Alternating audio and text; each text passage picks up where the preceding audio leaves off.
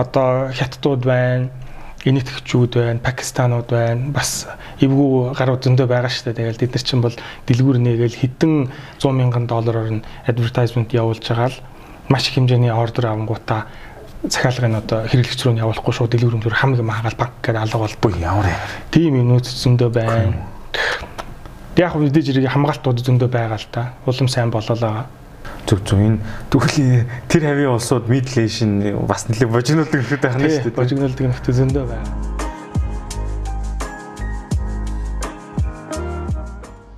Та ямар нэгэн ажил төрөл эсвэл бизнес эхэлж байх чинь саад бэрхшээл зөндөөл гарч ирсэн баг. Тухайн цаг үедээ бол дааж давшгүй их санагдаж байсан. Харин дараа нь эргээд харахад бол энэ жижигхэн асуудал байсан байдаг. Амжилтанд хүрсэн түүхийг бүгд л ярьдаг. Харин уналтын түүхийг баг хинч ярьдаг анзаарлаа. Тиймээс айцтайгаа нүүр тулан босож ирсэн болон ирээдүйд гарч болцсошгүй жишээнүүдийг хуваалцахаар шийдлээ. Гэхдээ байзаараа бид нар ер нь яагаад ингэхдээ алдаад бүдрээд байдаг вэ? Уналтаас сургамж авч санаа суй. Намаг Эрдэнэтр гэдэг санаа суй подкастын хост байна. Сайн байцгаана ингээд санаа суй подкастын ээлж нэгэн шин дугаарыг хэлж байна. Энэ удаагийн дугаар бол нэлээд онцлогтой. Та бүхэнд хэрэгтэй шүү. Дуустал сонсоорой гэж би хүсэж байна.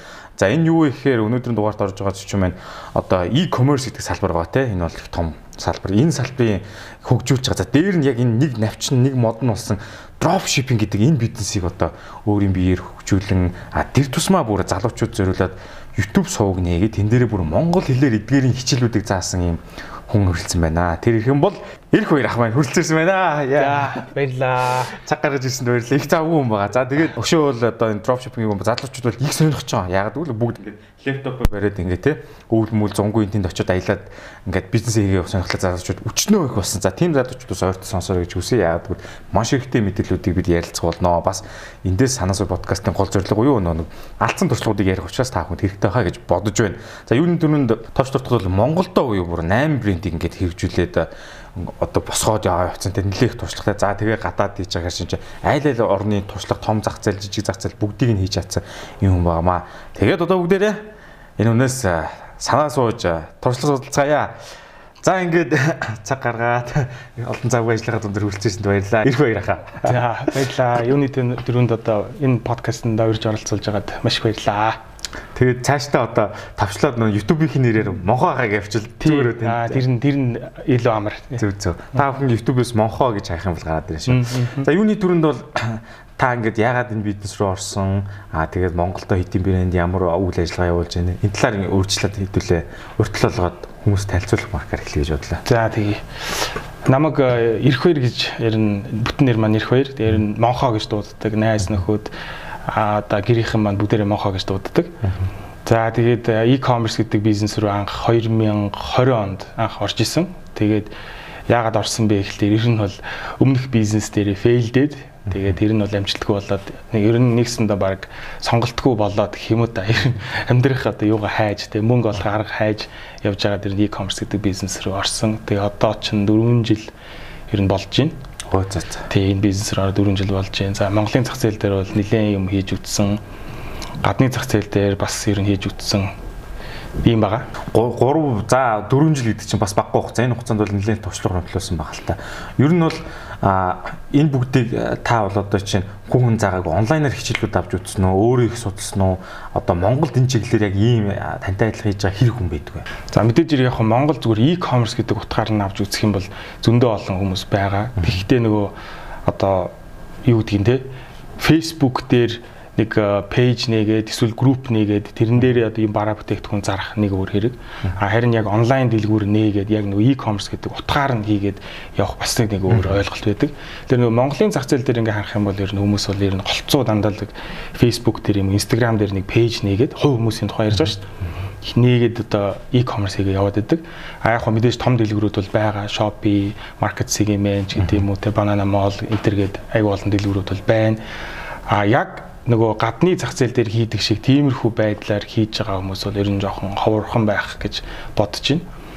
За миний нөгөө нэг яриад идэг хийгээд идэг drop shipping гэдэг нэг бизнес нэг төрөл нь байгаа e-commerce-ийн энийг хийж байгаа хүн бол баг байхгүй болов гэж бодож байна. Би одоогийн байдлаар бол тааралдаагүй олж мдээгүй байгаа. Тэгэхээр бол яг drop ship гэдэг бизнесийг нь хийж байгаа хүмүүс бол баг байхгүй хаа. Зөв зөв. Бүрэн утга хүмүүс ерөөдөө dropshipping-ийг ойлгоод мэдээд идэг. Гэхдээ яг юу юм гэхэлэр ингээ гацаад идэг. Бүрэн утгаар нь ойлголт байхгүй. Тэгэхээр та бас e-commerce гэдэг бол хүмүүс ойлгож байгаа тийм. Энэ салаа ялгааг нэг юм шиг зарим бодоод идэг. Ялгааг нь та бас тайлбарлаж өгүүлж байгаа хүмүүс тийм. Тий, ер нь бол e-commerce гэдэг нь бол бүр том утгаар нь хэлж байгаа тийм. E-commerce буюу electronic commerce гэсэн одоо үгний товчлол тийм. Өөрөөр хэлэх юм бол онлайн гэдэг энэ ертөнцөөр дамжуулаад ямар нэгэн бараа бүтээгдэхүүний хоорондоо худалдан авч борлуулж ингэ солилцож байгаа энэ хэлбэрийг л одоо e-commerce гэж нэрлэдэг юм. Тэгээд энэ дотороо болохоор хоёр төрлийн бараа байгаа. Нэг нь болохоор digital product, нөгөөх нь physical product гэсэн хоёр төрлийн одоо бүтээгдэхүүн байгаа тийм. Тэгэхээр энэ хоёр бүтээгдэхүүнийг л онлайнаар ямар нэгэн байдлаар зарж борлуулж байгаа хэлбэрийг нь e-commerce гэж томоор хэлээд байгаа тийм. А яг dropship гэдэг нь болохоор энэ e-commerce гэдэг дотроо байдаг түрүүчийн хэлдэг нэг навчин салаан гэж байгаа. Яг тэр нь зөв. Dropship гэдэг нь болохоор зүгээр бизнес модель нэг. Жишээлх юм бол би одоо Монголд өөрөө нэг онлайн дэлгүүр нээгээд тэгээд хятад байгаа барааг би өөр дээр одоо би дээрээ байлгах шаардлагагүйгээр Америкаас одоо хүн захиалах юм бол хятадаас шууд Америк руу одоо явуулчихж байгаа. Энэ хэлбэрийг одоо dropship гэж нэрлэдэг байгаа байхгүй. Тэгэхээр нэгсэндээ энэ тухайн хүн өөр дээрээ маш бага риск авдаг.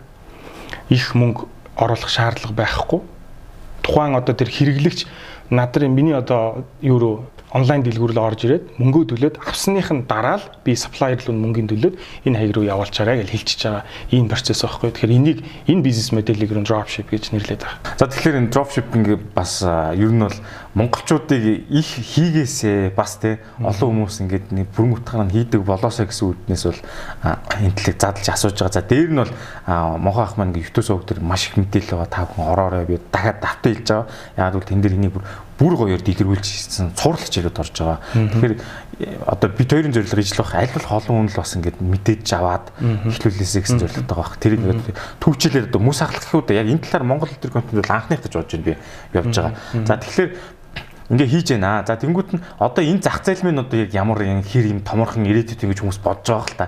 Яг e-commerce бол аврах том. За тоон үзэлтэр бол одоо хэлж ам дутгааргүй тооны өсөлттэй байгаа. Яг dropshipping-ийн зах зээл нь ер нь цаашаа ингээд маржин зах зээл нь хэр дэлж байгаа бол дэлхийд дахинд болно тий. Тэгээ ер нь dropship гэдэг нь дотроо бас ингээд хэдий энийг салаа мөчр гэж байгаа боловч дахиад дотроо ингээд олон хуваагдаа явчихдаг dropship нь. Жишээлх юм бол одоо зарж байгаа бүтээгдэхүүнийхээ үнийн дүнгээр бас хуваагдчих болдог. Одоо жишээлх юм low ticket item гэж хэлдэг тий. Тэр нь болохоор нэг 10 доллар, 20 доллар за бүр тэрнээс ч доошоогоо хямдхан бүтээгдэхүүнийг зардаг ийм low ticket байж болж байна. За middle ticket гэдэг нь болохоор 100 доллар, 200 доллар хавцаа бүтээгдэхүүнийг зардаг тий. За бүр дээшлээд одоо 10 мянган доллараас ч дээшийг юмнууд зардаг. Тэр нь болохоор high ticket item гэж нэрлэдэг тий. Энийг нь болохоор энэ ингээ гурван төрлийн одоо dropship байдаг. Бүр одоо юу гэдгийг 10 мянган долларын үнэтэй тийм гэрийн одоо саунч гэдэг юм уу эсвэл массажны сандалч гэдэг юм уу тийм үнэтэй айтмуудыг хүртэл dropship хийж болдог. Тэрийг нь болохоор одоо заавалчгүй бас түрүүчийн хэлдэг те би дээрээ байлгах шаардлага байхгүйгээр шууд хэрэглэгч рүү нь явуулдаг. Тэгээ энэ нь болохоор энэ мэдээж хэрэг илүү 10 мянган долларын бараа бүтээгдэхүүнийг хүн онлайнаар худалдаж авахд бол маш их одоо эрсдэлтэй шүү дээ. Тэгэхээр нөгөө хэрэглэгч талаас нь харах юм бол за энэ ч одоо хаанаас ямар дэлгүүрээс юм авахгүй чинь тий. Тэгэхээр нөгөө дэлгүүр нь маш тийм лежит байх хэвээр маш тий албан ёсны байх хэвээр ихтгэл төрүүлэх хэвээр байх хэвээр тэгжиж тэр хүн одоо 10 мянган долларын бараа бүтээгдэхүүнийг худалдаж онлайнаар авна тий. Тэгэхээр нөгөө ямар үнэтэй бараа бүтээгдэхүүн зарах чам бэ гэдгээс хамаарад дэлгүүрийнх нь одоо хөнгө төрөх бүтэц брендинг бүх юмнууд нь бол ингээд өөр болоод явна л да. За тэгээд дээрэс нь dropship гэдэг бизнес нь бас юм өөр юм гэсэн нэг юм тренд бас үүсгээд яваад байдаг. За анх одоо dropship бол нэг 2016 7 оны үеэс ер нь анх гарч ирээд амар нэлээд тийм бүүн болоод хүмүүс сонирхож үзээд ингэж явж исэн гэж ер нь ярьдаг юм байл. Анхны одоо яг dropshipping видеонуудыг оруулж исэн залуучууд бол нэг 16 7 оноос л анх dropshipping хичээлүүдийг оруулж эхэлж исэн байдаг юм байна. Залуухан биш. Тий. Тэгэхээр удааг байгаа байхгүй. За тэгэнгүүтээ тухайн үед болохоор яаж исэн бэ гэхээр e-commerce гэдэг бизнес нь өөрөө их шин байсан.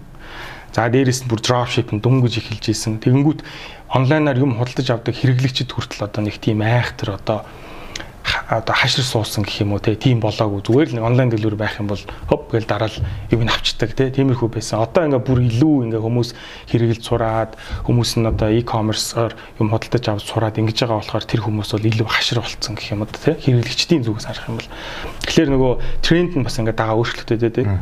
За анх бол одоо general store буюу бүх юм одоо зардаг энэ дэлгүүрүүд анх одоо нэлээд тийм модонд орж тренд болж исэн юм да. Тэр нь болохоор яаж байгаа вэ гэхээр би одоо жишээлбэл dropship дэлгүүр ажилладаг хүн байлаа гэхэд би дэлгүүр болгон дээрээ шин одоо бүтээгдэхүүн болгон дээрээ шин дэлгүүр нэг шаардлага байхгүйгээр нэг дэлгүүр нээчихэл тэрэн дотор янз бүрийн бүтээгдэхүүнүүд оруулаад тестлээд үзээд байдаг гэсэн үг. Тэгэхээр нөгөө нэг янз бүрийн зардаг дэлгүүрийг чинь general store гэж нэрлэдэг байгаа тийм. За тэгснээр дараад нь болохоор one product store гэдэг нь одоо тренд болж гарч ирээд тэр нь болохоор би ер нь яг сонирхож эхэлж байхад one product store ер нь тренд болж эхэлж исэн.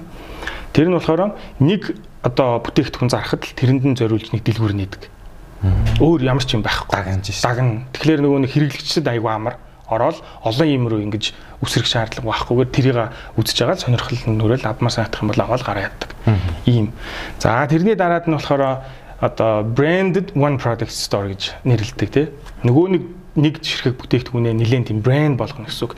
Тэрнийг одоо customize хийгээд одоо package энтрийг нь янзлаад солиод тэгээд тэрэндээ зориулсан одоо контентууд өөрсдөө үйлдвэрлээд тэгээд нэлээд тийм брэнд болгож хийдэг энэ дэлгүүрийг one product branded store гэж нэрлэж байгаа. За тэрний дараа болохоор TikTok гэдэг том платформ гарч ирээд dropship гэдэг энэ бизнесийг дахиад бас ингээд өөрчилж шинжилсэн тий. Тэр нь болохоор одоо юу гэдгийг анх Facebook гэдэг юм дүнгийн гарч ирж байхад одоо Facebook дээр одоо буст явуулдаг дээ тий. Буст явуулахаар айгүй хямдхан зарлаар анх буст явуулдаг байсан шиг TikTok дүнгийн анх гарч ирж байхдаа маш хямдхан зарлаар тэр нөгөө бустыг нь явуулж өгдөг байсан байгаа байхгүй. Ягаад гэвэл тэр платформ дээр advertise хийж байгаа хүмүүс маш цөөхөн байсан учраас өсөлтөгч нар айгүй бага байна гэсэн. Тэгэнгүүт нөгөө dropship чинь трийг нь олж хараад за ер нь TikTok дээр одоо кампань явуулаад boost явуулах юм бол маш бага зардлаар одоо хүмүүст хүргэж болох юм байна гэдгийг нь олж хараад ингээ явуулаад эхэлсэн. За тэгэнгүүт чинь мэдээж ирэх ингээд жил ирэх тусам тэрэн дотор нь одоо boost явуулж байгаа кампань явуулж байгаа хүмүүс нь олшроод улам их болоод өрсөлдөөнтэй болоод эхэлж байгаа байхгүй. За одоо тэрний дараа дахиад дараагийн тренд нь эхэлсэн. Тэр нь болохоор TikTok organic гэдэг. Тэрний юу гэсэн үг гэхээр TikTok дээр төлбөртэй зар сурталчилгаа явуулахгүйгээр органик байдлаар одоо контент хийнэ гэсэн үг. Би одоо энэ микрофоныг одоо жишээ нь зарчиллаа гэж батхад те яг энэ микрофондоо зориулсан одоо контентууд хийж эхэлнэ гэсэн үг. Тэгээ тэрийг TikTok дээр зүгээр ингээл постлоод байна гэсэн үг. Ямар ч одоо paid биш төлбөр төлөхгүйгээр. Тэнгүүд тэрэн дотор одоо тэр явуулж байгаа контентууд дотроос нь аль нэг нь одоо viral болоод хэдэн сая үзэлт авах юм бол тэрийг дагаад хүмүүс нь одоо юу яадаг те худалдаа авдаг. Ийм одоо тренд гарч ирж байгаа. За хамгийн сүүлийн одоо яг одоо тренд болж байгаа тренд нь юу юу вэ гэхээр TikTok Shop гэд. Америкт одоо жишээлбэл TikTok Shop сая 9 сарын 17-нд үлөө нээлттэй хийсэн. Өмнө нь болохоор нөгөө Dowing гэдэг одоо хятадын TikTok тий TikTok байгаа шүү дээ. Тэрэн дээр болохоор аль хэдийн shop нь бол бүр нэгтцсэн хүмүүс нь худалдаж аваа хятадууд бол хэдэн зуугаар одоо хэдэн зуун саяараа ингээд явдаг байсан бол сая 9 сард анх Америкт одоо TikTok shop нэгтэлтэй болж байгаа байхгүй. Тэнгүүт муу ялгаагүй dropshipчд бас тэрийг нь олж хараад одоо TikTok shop бол одоо маш боломжтой юм байна. Энэ дээр ерөнхийдөө бараа бүтээгдэхүүнээ зарья гэдэг ч юм уу. Ингээд нэгсэндээ ингээд dropship гэдэг бизнес модель нь өөрөө ингээд өөрчлөгдөөл ямар шинэ платформ гарч ирж байна, хаана ямар боломжууд байна гэдгээс нь хамаарал ингээд тренд нь бас дагаал өөрчлөгдөл яваад идэх гэсэн үг л та. Яг одоо бол ер нь TikTok shop гэдэг нь тренд болцсон ер нь явж байгаа. Зүг зүг. Ялчихгүй тийм билээ л. TikTok оронгууд шууд худалдаж авахар 4 доллар 99 цент гээл. Зүгээр нэг э, юм байгаа хичээлүүд орсон. Би өөр гайхаад. Тий. Тэрэн дотор нь нөгөө digital product нүртэл явж байгаа шүү дээ. Онлайн хичээл мичээлүүд нүртэл. Хилнүүд бүгд төлбөртэй болчихсон. Үнгүүсдэг гэсэн. Харин дуудлагынууд ханз мансан. За тийм байна. За тэгэхээр бол асуулт бол маркетинг талаар болсон. За энэ бол хязгааргүй уяатай ингээд цаашаа өргөж явж байгаа юм байна. Маш том. Тоо ойл нь бүр замбараг үл илгүүтэй. Ирээдүйд юу ч гарч ирэх юм байгаа бас бүү мэд. Тий. Одоо ямар TikTok-ын дараа дахиад ямар том платформ гарч ирэх юм те. Тэрийг дагаад энэ бас ингээд өөрчлөлтөл явна гэсэн үг л. Одоо тэгэхээр хоёулаа яг ингээд dropshipping бүр утгаар нь гадаад одоо яг тэр тухайн улсад нь бүх зөвшөөрөл аваад хийж те. Энээс гадна хамгийн түрүүлээд юу асуух чинь гэхээр Монголд одоо энэ тэ одоо онлайн стор гэж хэлээ л дээ. Онлайн дэлгүүр хүн болго онлайн шоп нийлээгээл баг гэртээ сууж байгаа хүмүүс нэгэд. Тэгэхээр энэ дээрс одоо яг ямар төвшин манай монголчуудын төвшин төвшин те. Зүгээр ингээд өөрсдөө зарим хөрвжин зарим нэг хүргэлтийн компаниуд идэд болж хүргэлж байна. А тэрээс гадна таны хийж байгаа энэ одоо брэндүүд ер нь Монголд нөхцөл байдлын гадны дропшип харьцуулаад ямар левелтэй манад ер нь хэр одоо засах шаардлагатай юм байна л гэж байгаа ер нь аль дутагдaltaй марга харагдаж байгаа шүү дээ. Тэр талаар нь байна. Unity-ийн хэрэглэгчид гаруцаа Токио лизингээс 700 мянган төгрөг хүртэлх хөнгөлтэй үнээр аваарай.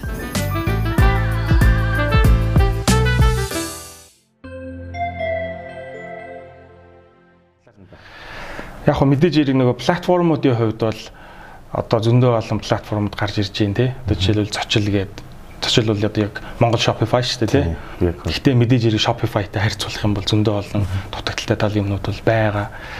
А дээрэс нь хүргэлтийн одоо системүүд, хүргэлтийн компаниуд нөгөө онлайн бизнесээ дагаад маш их гарч ирж байна, хөгжиж байна. За дээрэс нь миний зүгээр анзаарж байгаагаар хэрэглэгч талдаа жоохон тутамг байна гэж ер нь хараад байдгийн.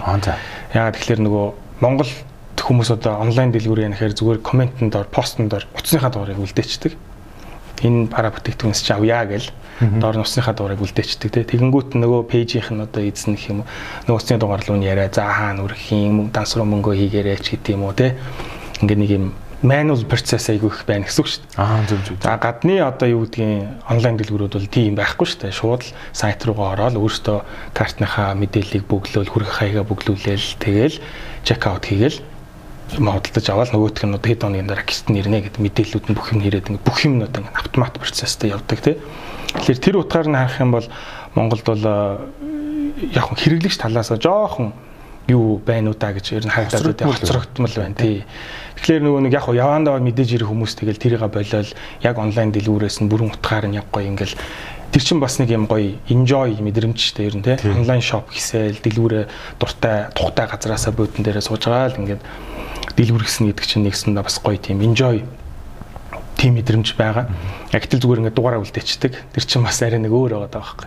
Тэр утгаар нь харах юм бол жоохон ийм Монголын хэрэглэгч талдаа бол жоохон хоцрогдмол байна. А тэрнээс биш яг том утгаар нь харах юм бол амар хурцтай хөгжиж байгаа. Ер нь маш хурцтай хөгжиж байгаа. Хүмүүс одоо бол саяхан л одоо жишээлбэл бид нэр Facebook-ийн хэрэглээл одоо сурч исэн бол тий одоо Facebook дээр онлайн дэлгүүрээ яаж сурж гин худалдаа авч сурч гин гих жишээ нэ. Тэгээд ер нь маш их одоо хүмүүс онлайн дэлгүүрээс юм хөдөлж авч сурч байна. Том утгаар нарах юм бол асар хурдтай хөгжиж байгаа гэж би бол ер нь хардаг. Аа тэгээд ер нь бол яг хуу би бол аль болох тэр нөгөө бүрэн утгаар нь яг тэр гоё e-commerce гэдэг утгаар нь хүмүүс өөрсдөө онлайн дэлгүүр рүү ороод яг гоё брендийнх нь юмтай танилцаа, зургийг нь үзээд тэ мэдээллүүдийг нь харж байгаа. Тэгээ өөрсдөө гоё check out гэдэг юм дээр нь дараад мэдээлэл бүглөөд ингээд яг бүр бүрэн автомат байдлаар нь ингэдэг ийм юмыг нь жоохон хөгжүүлэх юмсан тэ хүмүүс ингэж авч сураасай гэж бодоод байдаг. Тэгээ өөрөө би аль болох тэгж хийхийг хичээдэг. Тэгэхгүй бол нөгөө зүгээр нэг дугаараа үлдээчихэр чинь нэг талаараа бас аюулгүй талдаас бас асуудалтай. Тэр чинь өөрөө хувийнхаа утасны дугаар мэдээлэл гэрээ хаяг юмудаа зүгээр олон нийтэд ингээд комент хэсэг дээр нь үлдээчихэж байгаа шүү дээ. Тэр чинь бас нөгөө талдаа бас аюулгүй байдал талаасаа ч бас асуудалтай гэж юу н бодоод байдаг. Яг тийм үү тий. Өөр хүн залгаад тий таашилжүүлчихээ хүргээд хүрхгүй л яхан тий. Дэлгүүр нь биш тий. Тэр дугаар тавьдаг чинь бас дутагдлаад л наад би зүгээр ингэж бодчихсон. Нөгөө бүрэн бараагаа судлахгүй байна уу да гэж анзаарэгдэсэн тий. Аа. Тэрээс судлахгүйгээр зүгээр нэг хальт бичлэгийг хараад гайгүй ч юм авчт юм уу гэл авъя гэл дорн дугаар авчиж байгаа байхгүй тий. Тэгэхээр яг тэр мэр талаасаа бол нэг тийм жоохон асуудалтай байгаа. Бусдаар бол ер нь айгу хурцтай ер нь хөгжиж байгаа гэж бодож байгаа. Хүн болго мэдээлэлтэй. Тий. За тэнгуут нь та ингээд 8 брэд хөгжүүлсэн байна. 8 дэлгүүр гэж юу вэ? Зөндөө болно. Тэр 8 дэлгүүр хөгжүүлэхийн тулд та цаана ард нь хичнээн хэмжээний бас өөр ингээд тестүүд ч юм уу хувилбарууд явж лээсэн баг та тийм. Энийг хийж байгаад ямар бэрхшээл тохиолдсон яг Монголын нөхцөлч юм. Одоо л э, нөгөө би ихэнх дэлгүүрүүд ихэнх гэж юу бүх дэлгүүрээ Shopify платформ дээр хийчдэг. Тэгэхээр тэрэн дээр нэг асуудал нь болохоор payment одоо provider нь тийм тэр нь хүндрэлтэй байдаг. Монгол картуудаа холбож болдоггүй те. Тэрийг заашгүй одоо manually аргаар ингэж хийхээс өөр арга байхгүй. Тэр бол мэдээж хамгийн том хүндрэл. За тэгэнгүүт одоо нөгөө зочил ч гэдэг юм уу те Монгол ийм платформд ашиглаад явъя гэхлээр тэд нар нь бас эргээд нөгөө сөрөг талтай байгаад байдаг. Тэр нь ямар асуудал байдаг вэ гэхээр Shopify жишээлх юм шууд Facebook-тэй интеграц хийгээд одоо Facebook-ийн чинь ард талд нэг Pixel гэдэг нэг ойлголт яваад байдаг шүү дээ тий. Pixel-ийн одоо жишээлх юм бол Shopify хоорондоо холбогддог. Эпэ яг. Тий. Тэгэнгүүт яадаг вэ гэхээр миний одоо нээсэн Shopify-ийн дэлгүүр рүү нэг хүн ороод ирлээ гэж бодъё тий. Тэгэх юм бол би дараад нь одоо Facebook дээр boost явуулаа, кампань явуулах юм бол тэр pixel гэдэг юмыг нь ашиглаад нөгөө хүн л миний одоо бараа бүтээгдэхүүн харагдаад байдаг гэсэн үг байхгүй. Тэр track хийгээд яваад байх боломж үүсдэг байхгүй. Тэгэхээр нөгөө зочил гэдэг нь болохоор тийм track хийх систем байхгүй, pixel холбож болдоггүй.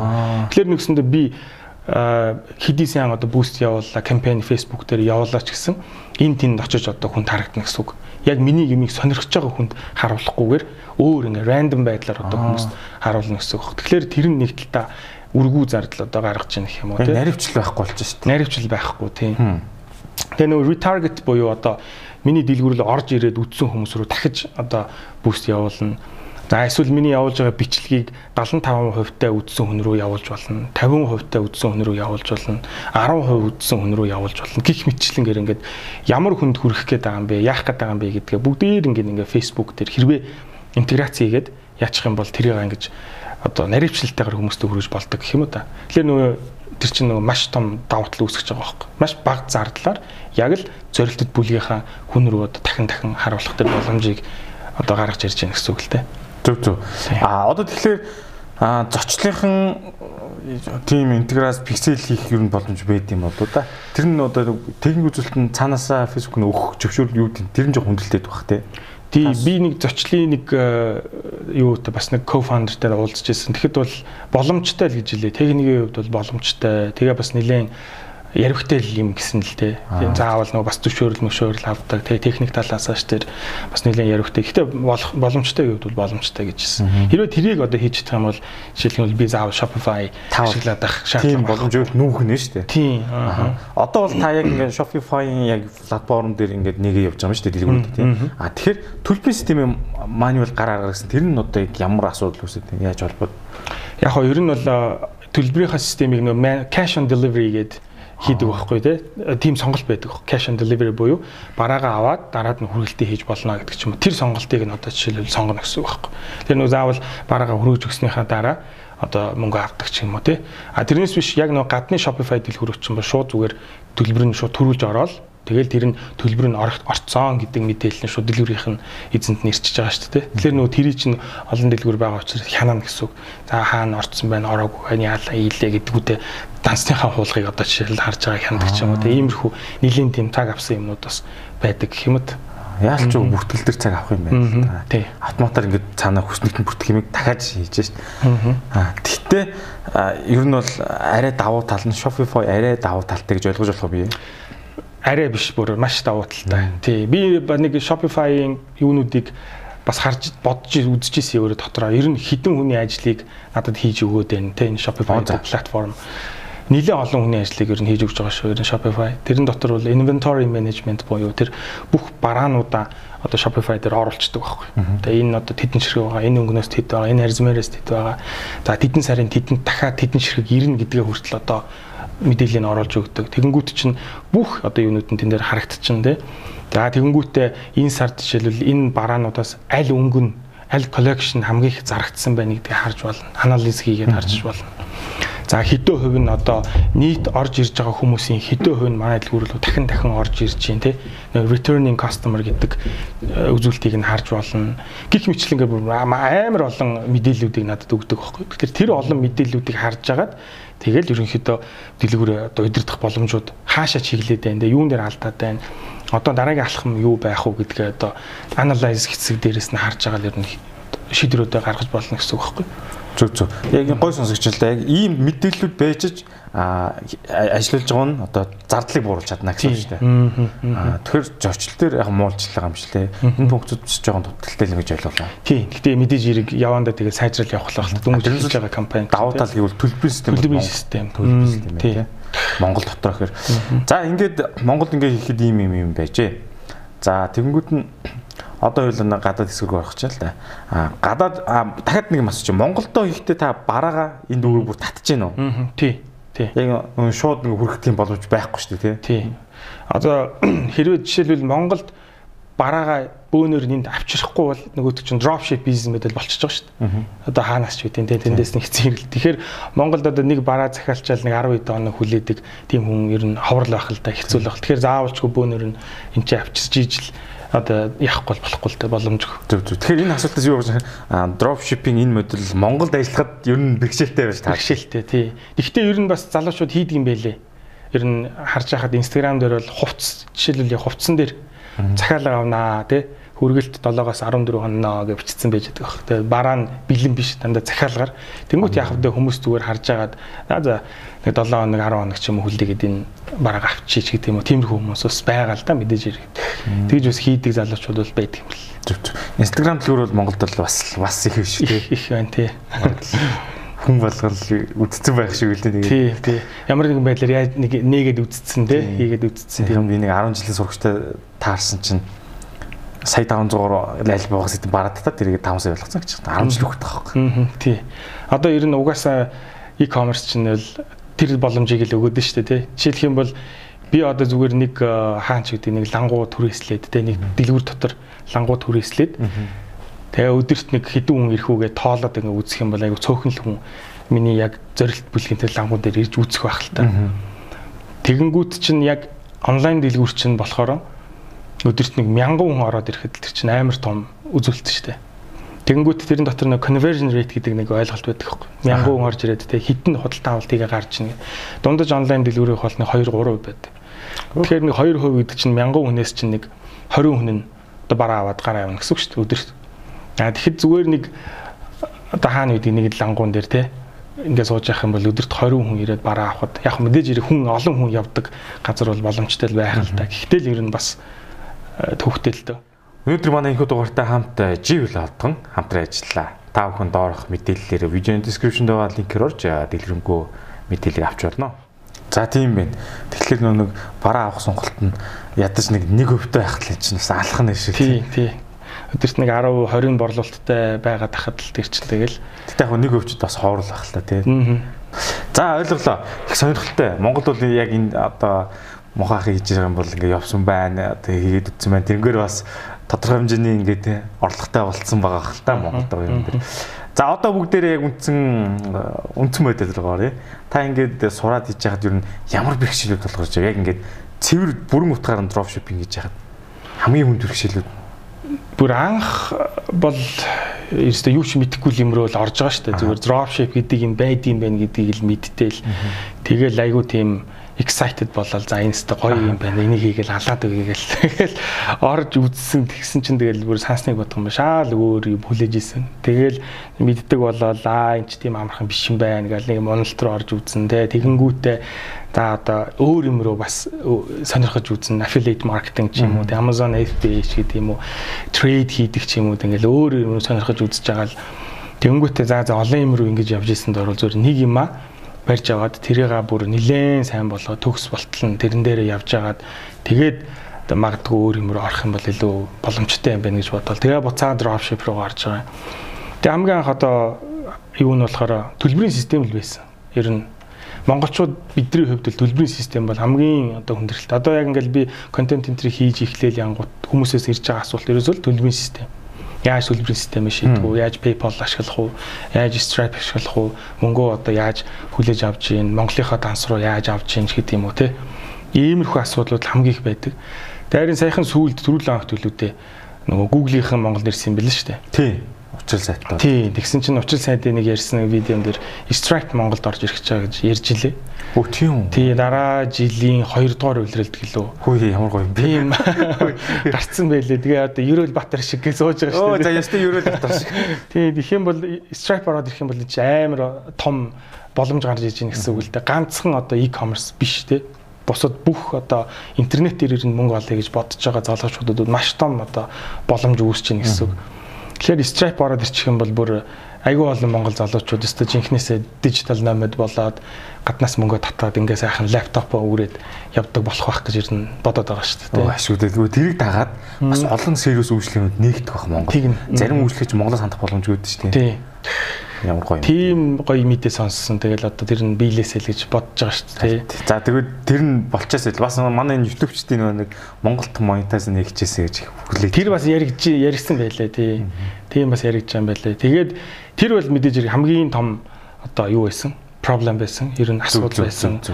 За тэгээд тэрний дараа заа зөвлөх хүн байхгүй надад одоо жишээлбэл яг ингээ хажууд нэг монгол хүн өмнө хийцэн те одоо жишээл трейд бол бас харцсангуу юутай байж штэ Монголд бол хүмүүс байгаа. Хүмүүс мэддэг болцсон байна, хийдэг хүмүүс нь байна, чаддаг хүмүүс нь байна, сургалтууд нь байна. Тэгээд эдрээс очиод асуугаад аль нэг энийг яад ийд ингээд ингээд бол зөвлөх хүмүүс байгаад байдаг. яг ship дээр бол зөвлөд өгчих Монгол хүн олддгүй. Тэгэхээр заажд болдго юм уу болдгоо юм уу болдог байсан бол өмнө нь өөр хүмүүстэй хийгээд болцсон л байх байлгүй дээ. Одоо болтол хийсэн хүн байхгүй юм ч одоо энэ болдгоо юм болов уу гэлээ эргэлзэх юмнууд айгүй их гарч ирнэ. Тэгэхээр нөгөө тийм хүн байхгүй болохоор айгүй хэцүү. Ингээл нэг харанхуу юм юм дотор тэмтчээд яваад байгаа юм шиг л юм мэдрэмжтэй яваад идэг гэрэл байна уу байхгүй юу гэдгийг л мэдэхгүй л явж байгаа шүү дээ. Тэгээд тэр бол нэлээд хэцүү байсан. Тэгээд тэрээр дагаар нөгөө mindset problem гэх юм уу те одоо за одоо ер нь бүтэх юм бол одоо яах юм бол гээл ингээл эргэж ботсон шантарсан тийм асуудлууд амар их гардаг байсан. Тэгээд баг багаар ингээл мэдээл хийгээл болоод чадаад ангууд аа за за ер нь болох юм байна. Тэгээд нөгөө нэг юм ингээд удаан судлаад эхлэхэр чинь ер нь нэг том зургаар ингээ хардаг болж байгаа шүү дээ. Аа за за ер нь угаасаа л хэцүү юм байна гэдгийг нь ойлгож байгаа юм л да. Тэгэхээр хэцүү болоод ер нь айгу баг хүмүүс хийдэг юм байна. Оролдож үздэг, амар олон оролдож үздэг. Тэгээд ер нь хэцүү юм байна барахгүй маань гэдгийг мэдээд хайдаг. Цаг цаг тий цаг хугацаа орно айгүй их юм байгаа. Тэгэн чинь нөгөө ship гэдэг нэг л юм шиг боловч дотроо амар олон жижиг жижиг юм скиллүүд байж идэг. Одоо нэг юм скиллийн chain гэх юм уу тий гинжи холбоо үүсдэг. Тэгээ тэр бүгдээрээ ингэж сайхан гоё ингэж нийлжиж нэг юм том скил болж явдаг юм байна лээ л дээ. Тэгэхээр тэр олон жижиг жижиг скиллүүд чинь сурах гэж хугацаа орно. Тэгээ зарим нь чадна чадахгүй. Тэгээл тэрэн дээрээ сайжрна ингээ явсаар байгаа л ер нь арай айтайхан болол явдаг юм байна. Гэхдээ би чинь бол одоо бүр бэби шүү дээ ер нь. Ер нь dropship хийдэг мундаг амир хүмүүсийн хажууд бол тэгээд яг хөө зүгээр хэдий одоо жишээлбэл бэби байгаа ч гэсэн ядаж нэг мэдгүй хүмүүст энэ dropship гэдэг юмыг ойлгуулчих бүр төлбөрийн системээ мэдхгүй байгаа хүмүүст нь тэрийг нь яд заагаад өгчээ. Анхныхаа сейлийг авч чадахгүй байгаа хүнд нь тэрийг нь яаж авдгийг нь хэлээд өгчээ тий. Тэгээд хамтдаа ингээд бүгдээрээ суралцаад явах юм бол илүү хурдан байх юм болов уу гэж бодоод байгаа шүү дээ тий. Мм зүг зүг зүг. Их гоё юм. Тэгээд та бол анх эхэлж байгаад л харанхуй байсан гэсэн. Одоо болохоор таны дараагийн эхэлж байгаа хүмүүстээ бас нэг жоохон. Аа чиглүүлж гэрэлтэй болсон байна шүү дээ. Бас яаж ингэ хайхаа болоо гэж найдаад байгаа шүү дээ. Гацж гэдэг чинь яг ингээд яг хаа үзэлт нь ямар ч байсан яг ингээд зорилт хүмүүс үзээд байгаа хэл яг ингээд нийшээ харсан тийм хүмүүс. За ингээд ихлэ яваад ийм бэрхшээл байсан байна. Хандлага те майндсет гэж байна. Тэгээд нөгөө нэг төлбөрийн систем үү чинь. За тэнгууд та бас нэг төлбөрийн одоо шийдэл бол олцсон байдаг тий. Америкт based одоо компани байгуулах. LSE Монголоор бол HGK байгуулчихна. За тэн дээрээ тэгээд дамжуулаад Mercury гэж банк байсан тий. Данс чинь. Тэнгүүтээ тэр банкнасаа Монгол руу шилжүүлэхийг одоо хийж болоод идэггүй. Тийм болно. Тэр нь гэхдээ байнгын биш хаяа нэг үлээх үү шимтгэл мэтгэл нь өндөр үйдэг юм уу? Ер нь нөгөө бага үнийн дүнтэй мөнгө шилжүүлэх юм шимтгэл нь өндөр. Нэг 100 доллар молор шилжүүлвэл 15 долларын чөлөө авчдаг. Тий. Тэгэхээр нөгөө жоохон цуглуулж агаад их хэмжээний болгож байгаа шилжүүлэх юм бол тэрнээс нь харьцангуй бага. Ер нь тийм байдаг. Тэгээ шууд хамбанхийнхаа тасруу хийж болно. Нэг 2 3 хоног л орд ирнэ. Аа зүг зүг дундын ингээд нэг дамжуулдаг MacBook баах юм сонгодог л бахтай бохоо тийм. Тий яг мэдээж хэрэг нэг Mercury-ийн одоо ямар юугаар Swift-ээр дамжуулж ийн гэдгээс л хамаардаг байх л та. Тэрнээс үл яг шууд хам банкныхаа ч юм уу картыг холбол шилжүүлчих болно. Одоо чи та бүхэн тэр мухаахын YouTube сувгаар бол Америкт яаж компани болов бүх юм дистаратай байгаа. Тэрийг энэ төвдөд яг гол зүйл нь Америк дасан дэжтэй тэр онлайнаар яг бид нар e-банка удирддаг шүү дээ. Тэнтэй яг адилхан үг шүү дээ тийм. Тийм тийм. Яг Mercury гээд банкных нь өөрийнх нь угаасаа онлайн банк руу удирддаг тийм юу нь байж байгаа. Тэгэл ороод нэвтрэх нэр кодоо хийгээл ороод дашборд нь гараад ирнэ. Тэрэн дээрх бүх мэдээллүүдээ хараад яаж нээж ин гэж явчихдаг. Зүг. За тийм байж. За тэнгуут нь одоо бас дахиад нэмэг санхутай холбоотой байх гэдэг л. Ер нь ингээд буцаалт ч юм уу, эвдрэл гэмтэл ч юм уу, үүнээс гарсан юм хохирол одоо алдагдал гэж яриад та. Иймэрхүү зүйл хэр тулгарч байв танд. Өө зөндөө штэ. Зөндөө. Ер нь бол аа чанаргүй бараа сонгох юм бол буцаалт амирх гарна. Refund гадны одоо e-commerce хамгийн гоё юм нь бүр хөгжил нь айгүй сайн хөгжсөн. Төлбөрийн системүүд нь бүгдээрээ хэрэглэгчтэй айгүй хамгаалдаг болцсон. Тэгээд хэрвээ жишээлх юм бол одоо би одоо description буюу одоо тэр бараа бүтээгдэхүүн танилцуулах хэсэг байна шүү дээ. Тэр танилцуулах хэсэг дээрээс бичснээс өөр одоо бараанууд явуулчих юм бол тий хэрэглэх шууд банкн дээр гомдол гаргачихдаг. Нөгөө description дээр бичснээс өөр юм явуулсан байна. Арай чанаргүй юм байна. Хэрэглээд үтсэн чинь одоо энэ гэрэл нь асахгүй байна. Ингэж ийгээд ингэх юм бол шууд банк нь одоо мөнгөнд буцаагаад өгчдөг. Одоо нэгээс нь нэг юм dispute гэдэг чинь тий хоорондоо нэг юм маргаан гэх юм уу маргаан үүсгээд Тэгэнгүүтээ зарим хэрэглэгчид бол зүгээр хутлаа бас диспьют үүсгдэг хүмүүс ч бас байна. Хэрэг зүгээр бараагаа авчаад буцаагаад мөнгө авах гээд. диспьют үүсгэж тэнгуут нь бидний зүгээс одоо дэлгүүр хэрэглэгчтэй өвнөрийнх нь зүгээс яадаг вэ гэхээр бид нар бараагаа явуулсан энэ хүн бол ингээ хүлээгээд авцсан байна tracking number нь энэ байна одоо энэ дээр яг тэдсэрээ тэдэнд бид нар явуулаад тэдэнд хүлээгээд авцсан байна гэдэг бүх одоо тэр баталгаа юунуудаа гаргаад ирэх юм бол банк нь бол бидний талд бас шийдвэр нь гаргах юмнууд ч гэсэн байдаг зөндөө юм байгаа тэгэж одоо асуудлууд үүсэж байна. За эсвэл одоо буруу хаяг руу явуулдаг юмнууд үүсэж байна. Хэрэглэгчид өөрсдөө буруу хаягаа бүгэлдсэн асуудлууд үүснэ. Буруу хаяг бүгэлчөөд манай миний одоо захиалсан бараа ирэхгүй байна гэж гомдол гаргаад иддэг тийм асуудлууд үүснэ. Гэх мэтчлэнгээр ер нь яг нөгөө борлуулалт хийсний дараах юмнууд айгүй их бас асуудлууд үүснэ. За тэгээд Stripe гэдэг юм уу, PayPal гэдэг юм уу, тэгээд Shopify чинь өөрсдөө тэр transaction fee гэдэг юм авдаг. Тэр финүүд нь бас айгүй өндөр хэдий одоо нэг 2.1 хэдэн хувь мөвч гэдэг юм уу 1.1 хэдэн хувь мөв гэж байгаа боловч яг нөгөө олон юм дээр яригадаад эхлэхээр айгүй өндөр дүн тэн дээрээс нь авдаг. Тэгээд яхаар ер нь тэгэл нэг ашигын маржин чинь улам багасаал байна, багасаал байна. Нөгөө хүмүүс нь буцаалт их хийх юм бол мэдээж яриг буцаалт хийж байгаа багасаад байна. Тэгэнгүүтээ буцаалт хийчихэд нөгөө бараагийн чинь би одоо энэ барааг чинь би авахгүй энэ чинь буцаан мөрөө нэгэ буцаан штэ буцаах юм бол бүр илүү зардал гарна. Нөгөө буцааж байгаа тэр шиппингийн бид нэр гарах хэрэг болно. Тэгэхээр ер нь тэр бараагаа за та өөр авчихаа. Бид нар танд одоо нэг 50% ч юм уу 60% буцаагаад өгчий. Тэгээ та наа бараагаа өөрөө авчих гэдэг. Тэгэхээр нэг тим дийл хийх гэж үзэн. Тэгэнгүүт нөгөөдөл чинь тэхгүй 100% буцаалтай хэмээр анах юм бол одоо 100% буцаахаас өөр арга байхгүй. Гэх мэтлэнгээр ингээл янз бүрийн юм асуудлууд бас гарна.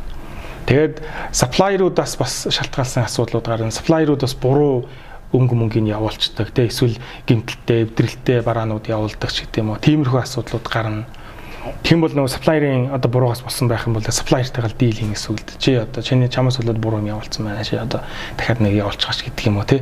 Тийм бол нөгөөдөл чинь аа окей асуудал байхгүй гэж явуулдаг. Гэх мэтлэнгээр ер нь юм after sale юмнууд дээр бол зөндөө олон тийм бас асуудууд гардаг. Зүг зүг. Таны ингээ ярныг сонсоод хаад одоо нэг customer service гэдэг чинь тэгж хэлдэг тийм харилцагчтай холбогддог. Энэ ажилд бол нэлээд унтрахтай. Аа тийм контактлах харилцаа. Энийг яаж зохицуулж байна? Эхлээд өөрөө л ер нь яадаг гэсэн өдөрт нэг баг захиалга махаалаа авдаг байх үед өөрөө бүх customer service-тэй хариуцаал яваад байдаг. Сүүлдээ тэгээд жоох амжихаа болоод ирэнгүүт нь өөр хүн авдаг. Эхлээд нэг Филиппинээс нэг нөхөр зөвөр яаж авч үзчихсэн. VA гэж ярьдаг шүү дээ. Virtual assistant авч үзчихсэн. Тэнгүүт яг тэд чинь нэг Upwork дээрээс хөсөлж байгаа болохоор Upwork-ийнхаа ажиллаж байгаа цагийг одоо урт болгох гээд нэг мэйлэнд одоо жишээлбэл нэг цагт нэг мэйлд хариулдаг ч юм уу албаар гэж утаад байдаг. Тэнгүүч нэг 5хан мэйлэнд хариулах гэж 5 цаг маг болоод тэгэнгүүтээ 5 цагийнхаа төлбөрийг нэхэд байдаг тий ингээд идэм байлээ. Тэгэнгүүтнийх одоо зүгээр Монголоос таньдаг нэг дүүгээрээ англилтэй дүүгээ. За чи энийг хариуцсан авчих гэл нөгөөтгөндөө цалингаа өгөөд ингээд одоо бол яг ийм байдлаар л шийдээ явчих. А Монголд ингээд хажууд байгаа дүнэрт өгсөн цалин Upwork дээр бас арай хямд тус чадж л байгаа тийм. Тий. Тэгээд ядаж нөгөөтг чинь ч гэсэн бас юм сурна штэ. Аа ингээд ингээд юм байна, ингээд хийх юм байна. Тэгээд хоорондоо бас монголоор харилцаа за наадхан дээр ингээрээ тэгээд илүү амар хурдан гэх юм уу те. Олон давуу талтай юм байл. Зүг зүг. За тэгэхээр яг аа ер нь бол ингээд бас судлаад үзэж байгаад бас нэлээд челленжинг сонсогдож байгаа байхгүй юу. Дотор ингээд хичээл ингээд реклам ч юм уу төр зүрийн интро үүдийн sales видео үзэх юм бол ингээд болооч гэсэн амар их гоё гой сэтгэл төрүүлдэг те эхлээд үзэхэд аа чадах юм байна. Яг ингээ хийгээ үзэхээр амар их асуудал гардаг. Амар хэцүү. Тий, ер нь бол YouTube дээр байгаа аягүй олон бичлэгүүд байдаг шүү дээ. 24 цагийн challenge challenge гэл те dropship дөнгөж 0-оос нэхлүүлэл газ бүтээгдэхүүн олоод дэлгүүрээ нээгээл тэрэн дээр одоо creative хийгээл advertisement-а явуулаад тэгэнгүүт дан дан дан гэж захиалга орж ирж байгаа дуунуудыг нь харуулаад 24 цагийн дотор одоо тэдэн мянган долларын борлуулалт хийчлээ мэйчлээ гэл. Тэд нар бол ер нь айгүй ховор тийм ховор кейсүүд л гэж би боддгийн. Тийм ховор кейсээс гадна тэд нар бас ийм промошнл юмнууд явж байгаа хэрэгтэй. Сурталчилгаа маркетинг гэх юм. Өөрсдийнхөө одоо онлайн курсүүдэл зарах гэж байгаа шүү дээ. Ер нь цаанаа бол mentorship програм ч юм уу онлайн курсүүдэд зарах гэж байгаа тиймэрхүү юмнууд айгүйх явж байгаа. Гэтэ ер нь сүүлийн үед бол бас а YouTube дээр бол амар их ер нь үнэгүй хичээлүүд их болсон, үнэгүй контентууд их болсон. Заавал төлбөртэй юм авахгүйгээр тэрнээс аваад үзэж болно. Гэхдээ тэднэрээс аваад үзэх юм бол нэг дутагдaltaй тал нь бол тийм системчилсэн юм байхгүй. Замбраагүй. Замбраагүй. Хаа сайгүй. Айгүй олон юм үзэж ш тэндээс өөрөө юм ойлгож зэгцэлж авах. Зэгцэлж авах гэсэн үг. Тэгэхээр тэр нь айгүй хугацаа алдна гэх юм уу те. Яг бэлэн одоо онлайн курс мөс авчих юм бол тэд чи айгүй гоё зэгцэлсэн байж байгаа шүү дээ. Яг ийм ийм ийм байгаа гэдэг. Аа яг зү. Та бас ялгааг нь гоё хэлчлээ. Ер нь бол YouTube үзэхээр жоохон цаг алддаг ер нь бол. Тийм. хэдий үнийг үү гэдгийг мэдээд байгаа ч гэсэн те яг нэг юм дутаад дахиж нэмэлт тайлтдаг. За тийм байна. Хингүүт нь Аа яг хөө энэ чиглэл рүү орох гэж байгаа хүмүүст одоо бас ингээ санаа зовлох гэж яриад шүү дээ хоёлаа. Одоо ингээд winning product гэж ярьдаг те.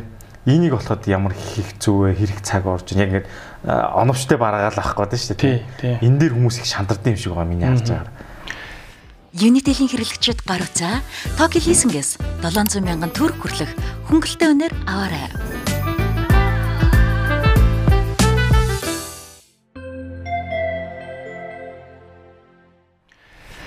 Тий, энэ бол ер нь хамгийн хэцүү ер нь алхам гэх юм да. Ер нь winning product гэдэг имийг олчих юм бол бусад юмнууд нь харьцангуй гайгүй бол авчдаг. Тэгэхээр нөгөө нэг winning product гэдгийг яаж олдгоо гэхээр ерөөсөө тестлдэг. Тестлэл үзээд байна. Тэрнээс биш чи одоо энийг winning product байна гэж хараад тий. Тэгээ жинти бодол ямар ч хамаагүй. Энэ зөвхөн маркет дээр гарч ирж тестлэгдэж ийж туршигдж ийж л одоо яг үнэхээр winning product муу юм уу гүү мүү гэдг нь харагдана. Тэгээ тэрийг цорын ганц арга бол тестлэх өөр ямар ч арга байхгүй. Миний хувьд би баг 30 гаруй product тестэлж үзэж анхны winning product олж исэн. Хөөх. Тэгэхээр ер нь бол нэлээд уйггүй тийм тест хэрэгтэй. За бүр 100 гаруй product тестэлж байгаад winning product олж исэн хүнийг ч би бас мэднэ. А бүр нэг хоёрхан product тестлээд winning product олж исэн хүмүүсийг ч тест мэднэ.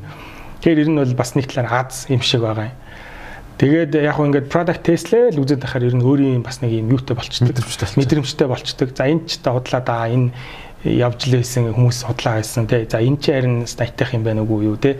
Энэ харагдаагүй юм байна да гэдэг ч юм ингээд айгүй олон юмнууд ингээд судлаад байхаар чинь хэдий 30 product test чинь гэж байгаа боловч цаана хэдэн зуун product search хийж үзсэн байгаа шүү дээ. Судалж үзээл явж байгаа. Тэрэн дотроос сонгож байгаа нь л 30 болохоос биш.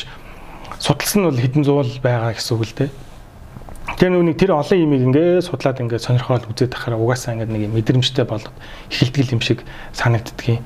Тэгээд э, ер нь бол тест тест хийж ижил үзсэн. Тэрээс өөр ямар ч юу байхгүй. А яг хоо ер нь бас хараад хахад нэг юм хоёр майндсет байгаад байна. Аа за. Нэг нь болохоор одоо жишээлх юм бол бүх product бол winning product байж болно гэж үздэг нөхдүүд байна. Нөгөөх нь болохоор зүгээр яг winning product бол яг winning product байдаг. Тэрийг болохоор зүгээр олон юм одоо тестлэхгүйгээр яг одоо зах зээл дээр зарагдж байгаа борлогдож байгаа тэр бараа бүтээтгүүнийг шууд аваад энд зарах юм бол одоо энд болно гэдэг ийм майндсеттэй нөхдөж байна.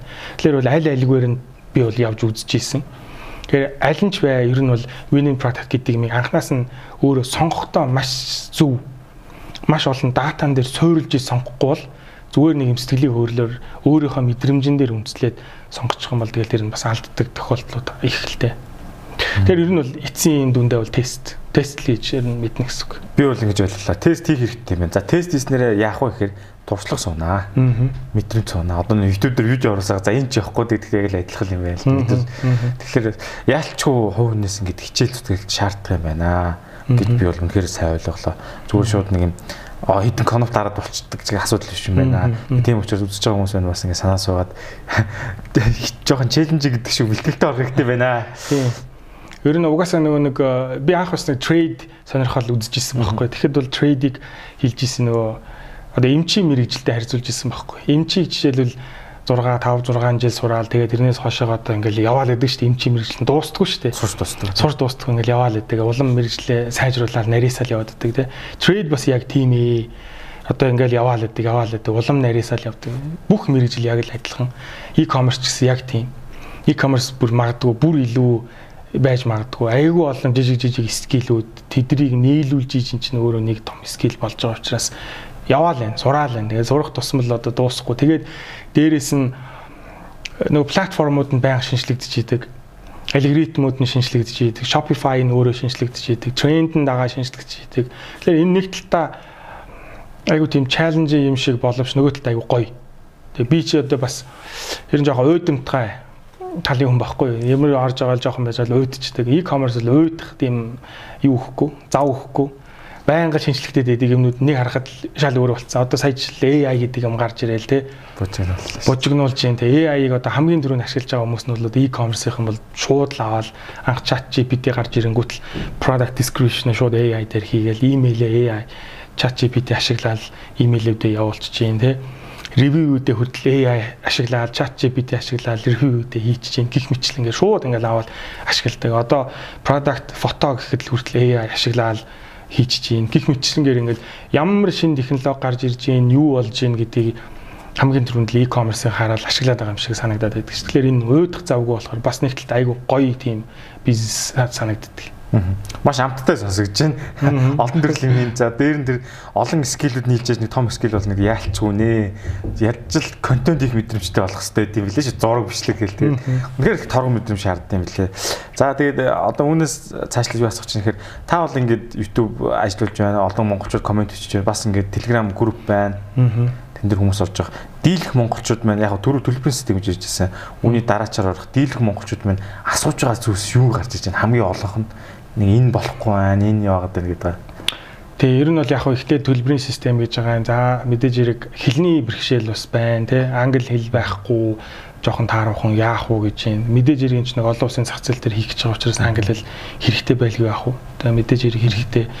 За тэгээд дараад нь болохоор одоо юу гэдэг нь те энэ ер нь бизнесээ сайн ойлгохгүй хүмүүс ихэнх нь ойлгохгүй л байна л да тийм dropship гэдэг нь яг юу юм бэ одоо энчээ байж иж яаж тэр хятадаас тэр хүн рүү явуулаад байгаа юм те тэр шиппингийн яах юм буцаалтын яах юм гэдэг ч юм уу айгүй олон тийм асуултууд байгаа. Тэгэхээр тий бүтцээ ер нь ойлгохгүй хүмүүс айгүй их байна. Тэгэл яг хуу мэдээж хэрэг баг багаар ч дүнгиж эхэлж байгаа хүмүүс бол ойлгомжтой. Би ч гэсэн анх яг л тийм л байсан. Тэгэл яваа яванд ойлгол явах л байх л да. Тэгээ тэрэнд нь аль болох шорткат хийж хийж өгөөд тэ аль болох хурдлуулад хүмүүсийг нь ойлгуулад ингээд явъя гэж бодоол уулна контент хийгээд яваад байгаа байхгүй? Тийм санаатай тий. Үнгүү өгч штэ контентийг тий. Зөв зөв. Одоо ингээд бас нэг сая ярьсан дэр ингээд сүүлийн үед бас хүмүүс айгүйх ингээд TikTok-оор ч явж байна тий. UGC гэдэг та тий. User generated content баг. Тэгэхээр энийг одоо бас та бас нэг зарим хүмүүс мэдээд байгаа юмнаас мэдгүй гоё тайлбарлаж өгөөч гэж байгаа.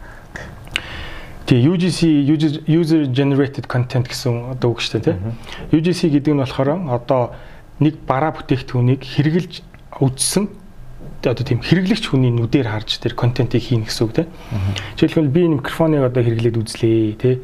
Энэ ч гоё юм байна, хөнгөн юм байна, чанартай юм байна, дуу муу айгуу сайн шүүлтүртэй юм байна тий. Тэгээд энийгээ дээш доош нь ингэж болдог. За одоо тэгээд ийм хямдрал зарлцсан байгаа юм байна. Одоо ингэж авах юм бол ингэж байгаа юм байна шүү. Гэт яг л компани брендинг зүгээс биш, хэрэглэгчийн зүгээс одоо харж энэ дээр контент хийж байгаа. Тэгэх юм бол энэ нь болохоор хэрэглэгч талдаа илүү ихтгэл төрүүлдэг Тэгээ UGC контентыг хийхин тулд тийм үнэтэй амар тийм одоо юу гэдгийг камер, микрофон, янз бүрийн тийм юм хэрэг байхгүйгээр зүгээр утсан дээрээсээ хийдэг. Бүр тэр үтгэл утсан дээрээсээ хий гэж одоо зөвлөдөг. Заавал утсан дээрээ хий гэдэг. А UGC болохоор e-commerce дээр бол нэлээд одоо ингээд бүүн болоод явж хагаад одоо миний түрүүчийн хэлсэн нөгөө TikTok organic гэдэг юм нь илүү UGC-ийн араас одоо бас гарч ирж байгаа. Энэ болохоор хэдий яг ингээ хооронд адилхан юм шиг боловч бас жоохон ялгаатай. TikTok organic гэдэг нь. Одоо TikTok тэр жишээлбэл viral видео хийхэд бол зарим хүний хувьд бол аз гэж бодож иж магадгүй тий. Гэтэл яг ард нь ингээ харах юм бол TikTok organic чинь бүр ингээд viral content хийх нь өөрөө юм системтэй болцсон. Томьёолтой. Томьёолтой болцсон. Эхний одоо 1 секунд, 2 секунд, 3 секунд нь юу байх вэ тий хүүк гэж нэрлээд байдаг шүү дээ. Хүүк нь яах вэ? За тэрний дараа одоо проблемыг гаргаж өгнө, тэ solution-ыг гаргаж өгнө. За storytelling байна. За яг дунд нь одоо жишээлбэл тэр хүнийг нэг анхаарлын нэг retention-ыг унгаахгүй тулд юу хэлэх үү? Яах вэ хөө бүх юм ингээд ингээд юм юу болцсон. Blueprint гараад. Blueprintтэй болцсон. Ингээд бүр structure ингээд гараад ирсэн. Тэгээ хамгийн сүүлд нь одоо CTA би call to action гэдэг чинь энэ линк руу дараад энэ бараа бүтээгдэхүүнийг аваарай гэдэг ч юм уу те. Тэгээ тэрийг одоо хийхдээ яаж хийх вэ? Ямар өнцгөр хийх вэ? Зүгээр л нэг юм энгийн хүний байдлаар ямар ч тийм одоо хүн бол жишээлбэл нэг видеог үзээд одоо нөгөө одоо юу гэдэг бизнес солд байх тийм дургуун байна л та. Видеог нь үзэнгүүтээ тэрнээс дамжиж худалдаж авж байгаа гэдэг мэдрэмжийг авахд тэр хүн дургу байдаг гэж байгаа байхгүй. Тэгэхээр тэрийг нөгөө нэг зарж байгаа юм шиг биш байдлаар тэр видеогоо хийгээд а гэхдээ яаж тэр одоо бичлэгийн үдсэн хүнийг энэ бүтээгдэхүүнийг агуулах тийм мэдрэмжийг төрүүлэх вэ гэдэг дээр ажиллаж гин гэсэн үг байхгүй TikTok organic. Айгу сонин сонин жишээнүүд байдгийн байлээ. Одоо жишээлбэл TikTok дээр ингээд 4 5 сая хүн үзсэн байгаа байхгүй.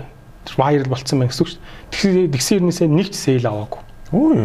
Тийм одоо тохиолдлууд аягүй их байна л да. Тэгэхээр эн чинь нөгөө нэг Нэгэн буруу ажил. тий вайрал болгох нь бол нэг хэрэг тий. Вайрал болгоод бүтээгдэхүүнээ давхар зарна гэдэг нь дахиад нэг өөр асуудал болж байгаа байхгүй. Тэгэхээр нөгөө энэ ингээд дотроо бас юм олон ингээд янз байгаад байгаа байхгүй. Тэгэхээр нөгөө энийг хийхин тулд нэлээд тийм бас юу гэдэм бэлээ. Одоо бас э, нилээн тийм бас чаленжинг юм байгаа байхгүй. Аягүй сэн судлах хэрэгтэй, сурах хэрэгтэй, яад ийдийн хаана яв байдлаар гаргах уу тий. Одоо жишээлбэл аягүй болон тийм аргууд байна л да. Contract contrast гэдэг тийм арга байна. Жишээлх юм бол энэ микрофоны хажуу талд нарийн нэг мяа микрофон гаргаж тавьж хагаад тэгэхээр нөгөөтгөө яриад за энэ микрофоны хэрэглээд үзсэн юм хогийн байна уу гэж хажуу чинь түлхэнгүүтээ энийг гаргаж ирж тавингуудаа за тэгвэл одоо өстө шин solution тань санал болгоё. Энийг ингээд хэрэглэх юм бол энэ өстө гоё шүү гэд. Энэ хоёрыг харьцуулж байгаа юм одоо хэлбэр байна тий. За нөгөөх нь болохоор controversial гэж хэлдэг тий. Энэ саяны ингээд хэлж байгаа тайлбарыг ингээд ярьж итэл цааталт нь одоо нөгөө background нэгсэг шүү дээ. Эндээс ингээд харж хахад тэнд нь одоо нэг нөхөр шаал өөр юм хийцэн тий байж идэг албаар тэгэнгүүт хүмүүс тэр видеог үзэж байгаа тэр цааталт нь байгаа хүн дээр одоо анхаарал хандуулад Тэрнийх нь талд нь одоо доотлолт нь комент бичиг өдөр цаана байгаа хүн ч одоо унтаад байгаа уу? Юу хийгээд байгаа? Яаж байгаа? Хийж байгаа? Ингээд тэг тэгэнгүүт нь комент бичдэг шеэрлдэг би өнөрөөгөө явуулдаг. Тэгэнгүүт тэр видеог нь engagement-ийг нь илүү болгоод viral болгодог. Гих мэтлэнгээр айгүй олон юм аргууд байгаа хөх. Энэ олон аргуудыг ашиглаж иж нөгөө видеогоо одоо viral болгодог гэх юм уу те одоо ер нь бол яг UGC гэдэг нь ерөнхийд нь томоор нарах юм бол энэ гэсэн үг те илүү тийм хэрэглэгчийн нүдээр харж одоо хийж байгаа видео контент гэх юм уу те. Зөв зөв. За үнэхээр гоё дэлгэрэнгүй тайлбарч үзлээ. Та бол өстой ойлголтол гоё бус хүмүүстэй. Би бол ингээд яг нэт дээр үзчихэл байгаа халтар ултар гэдэг тутам мутуу. Гэтэ бас ингээд дандаа нэг 10 идтэй залуучууд нэ бутаагаад байгаа юм а тий. Тэгэл нэг өөрөөсөө хичнээн дүү хүмүүс хичээлэг үзэл аа за юм ойлгож авч байна гэл тэр залуучууд аюух орж байна тий. Тий, ер нь анзаараад хахад бол 13 настай, 14, 5, 16 настай мөртлөөс e-commerce хийх эзтэй будаа болгож байгаа залуучууд хүүхдүүд бол бүр аюу их байна. 20 настай хүмүүс байна. Миний анзаарснаар бол ер нь нөгөө юу юм шиг байгаа юм. Одоо монголчууд бидний хувьд энэ дотроо нэг юм нэлийн юм лог ихтэй байдаг юм шиг санагддгийг надад. Тэгэнгүүт яа тэр нь юунаас шалтгаалдаг вэ гэхээр нэгдүгээрт айгүй цөөхөн хүн хамтаа бид нэр тэгэнгүүтээ жижиг улс байна, гурав дахь орн байна. Интернет юм нь бас саяхнаас л хөгжиж байгаа болохоос илүү өмнөх нь одоо хөгжөөгүй байсан гэдэг ч юм уу. Тэгэнгүүт нь өөрсөндөө итгэхгүй байх. Одоо тиймэрхүү юмд бас нэлээд анзаарэгдэж гинүү та гэж ийг онлайн худалдаа за тий одоо Монголоос хаа байсан Америкт онлайн дэлгүүр нээгээл одоо юм зараал тэндээс нь хүн юм аваач уу гүүч үү тий гэдэг итгэдэггүй ер нь тийм боломж байгаа гэдэг бас олж хардггүй гэх юм уу Тиймэрхүү юмд байдаг. Гадны нөгөө нөхдөөч нь болохоор бүр ингээд багасаа л аав ээж нь аль хэдийн тэр онлайнаар юм аваа сурцсан хүүхдүүд нь бүр багасаа тэр юм тэр нь зүгээр юм жирийн одоо үзэгдэл болцсон тий тэр нь ямар ч тийм тэр нь итгэхгүй байх тийм шаардлага байхгүй.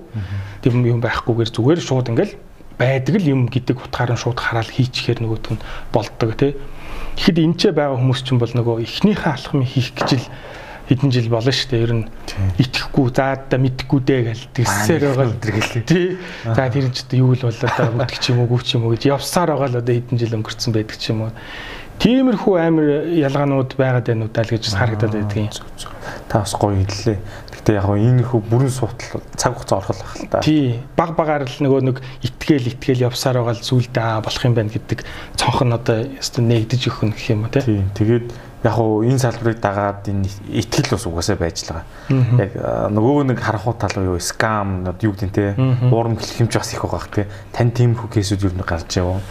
Тий би бүр хамгийн анхныхаа яг dropship-ийнхаа сейлийг яг scam sale орж ирж байсан шүү дээ. Өө тийм. Тэр нь болохоор зүгээр өөр хүний картыг одоо энэ тэндээс олд юм уу эсвэл картныхын мэдээллийг нь олонгуудаа онлайн дэлгүүрээс юм авчт юм бэл. Тэгэнгүүт чинь нөгөө онлайн дэлгүүрийн эзэн одоо тэр лөө бараагаа явуулчихсан шүү дээ хаяг руу. Тэгэнгүүт нь одоо нөгөө жинхэнэ картныхын эзэн нь буцаагаад гомдол гаргаад өө би юм аваагүй байсан шүү дээ гэдэг. Тэгэнгүүт яг нөгөө нөхөр одоо бараатай болол би буцаагаад мөнгө алдах юм байна л та. Аа. Тийм одоо сками зөндөө явдаг юм байлээ. Хамгийн анхныхаа хийг бол тэгжсэн. Тэр тиймэрхүү юм бол айгүй их.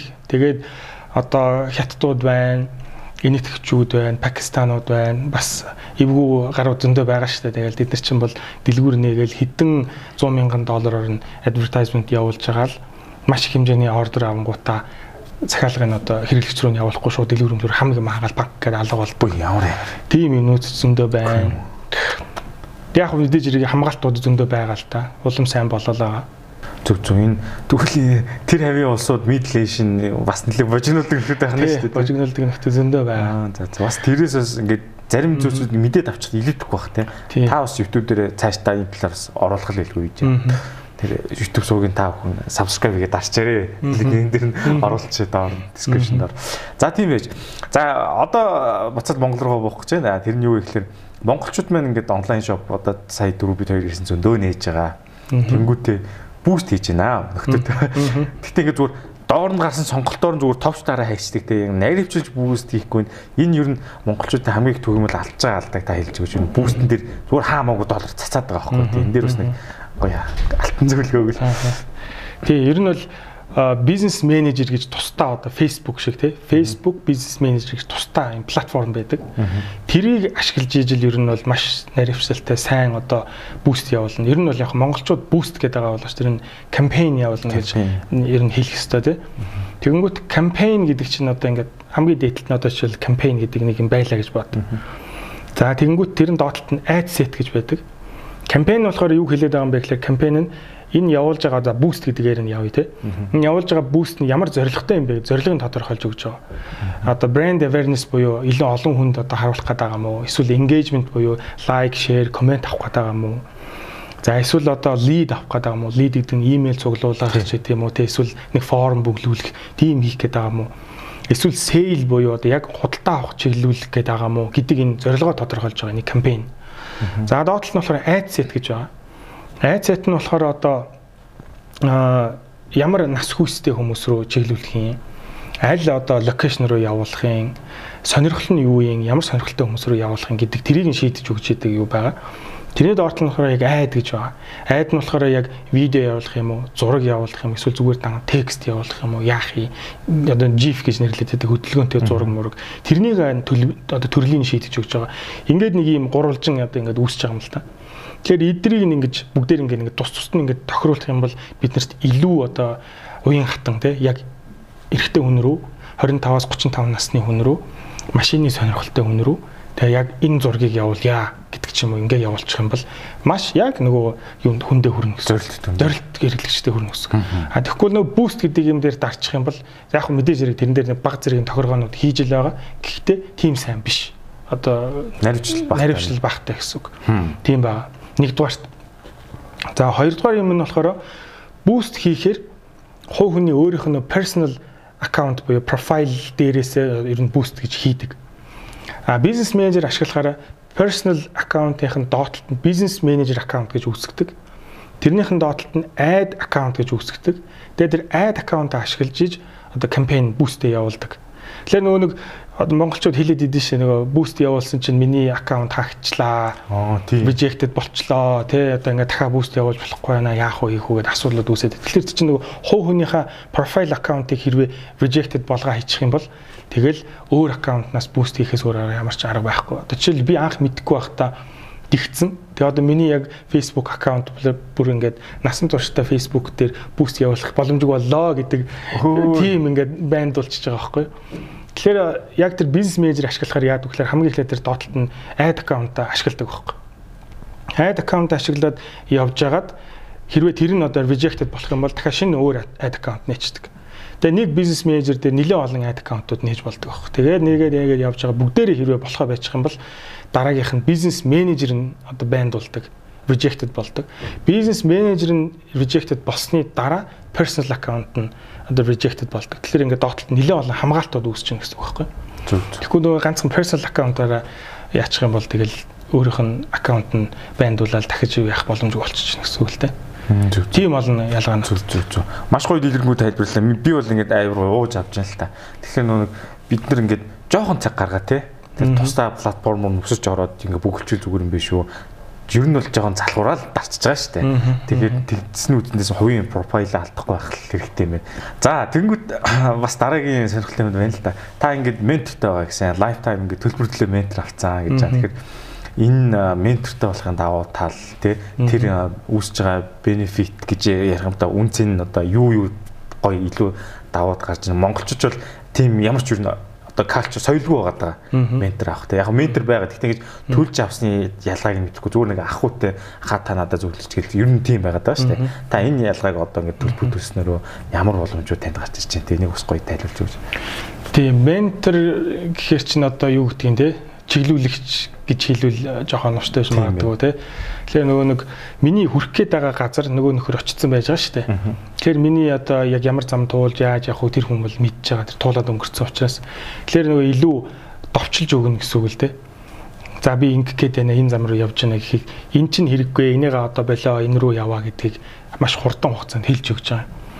За хоёрдугаарт одоо би өөрөө мэдгүй айгүй олон юм асуудлууд гарч ирнэ. Дүндээ олон ингээд ийм буруу зүг рүү хийж ямад гарч ирнэ. Тэр болгон дээр асуугаад за энэ одоо энэ ингэчлээ одоо яах вэ гэх юм бол тэр шууд одоо энийг инг ийм ийм байна. Энэ дээр ийм шийдвэр гарга ингэдэг гэдэг ингээд хэлээд өгчөж байгаа.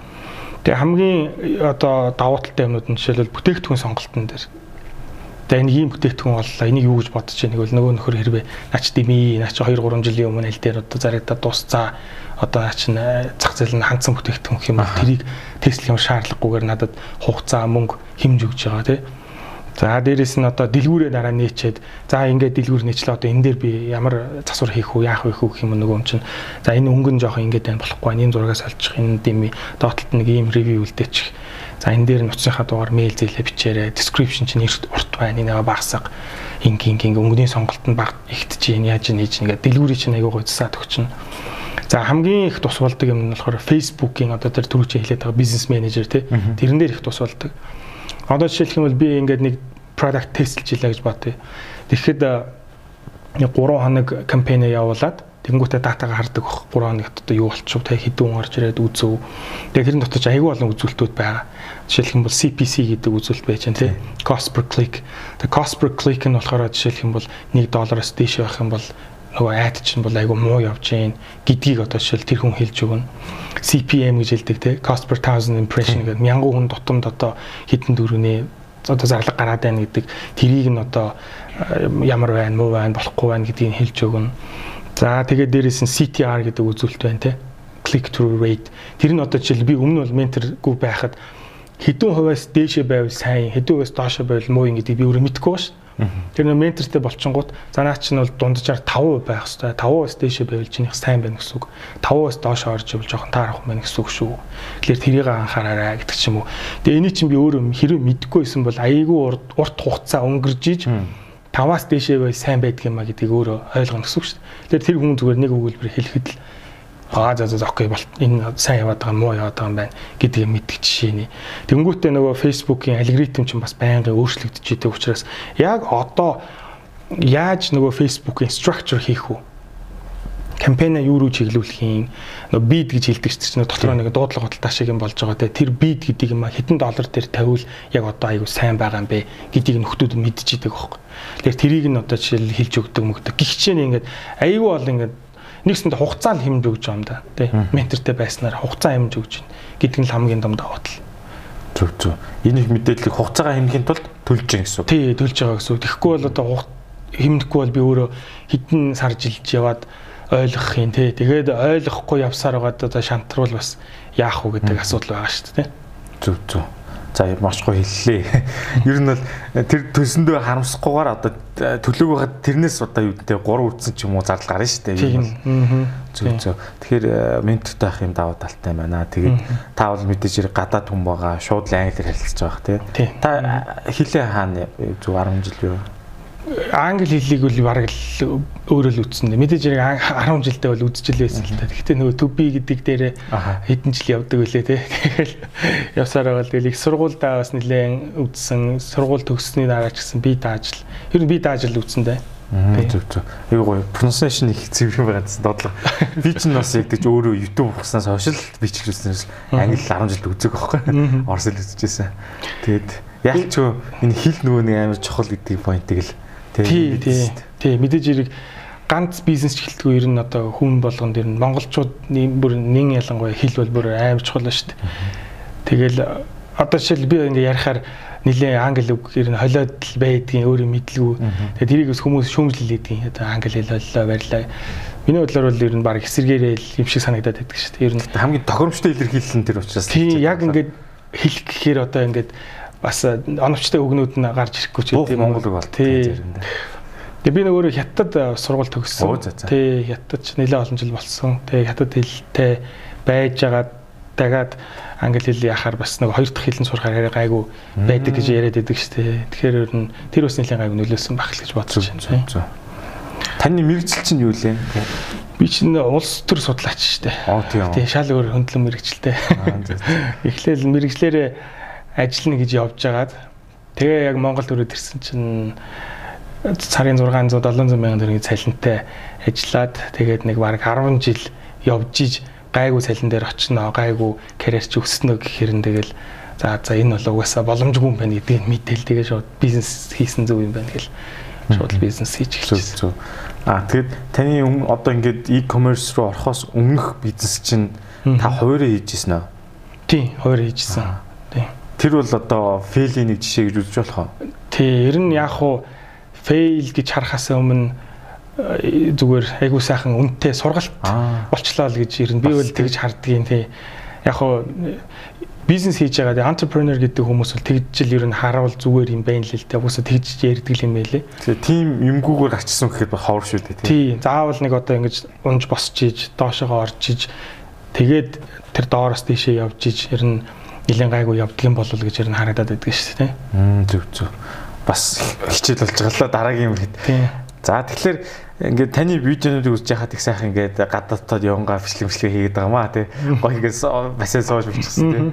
Тэгвэл тэр чи бас нэг э, тэр UGC гэдэг шиг цаагуур хүн авт юмгууд тэр ингэж анхааш гараад бас keep retention үзэл үзэл аваад байгаа шиг байгаа тий. Видео хөөрхөн ингээд. Тэгж гинөө.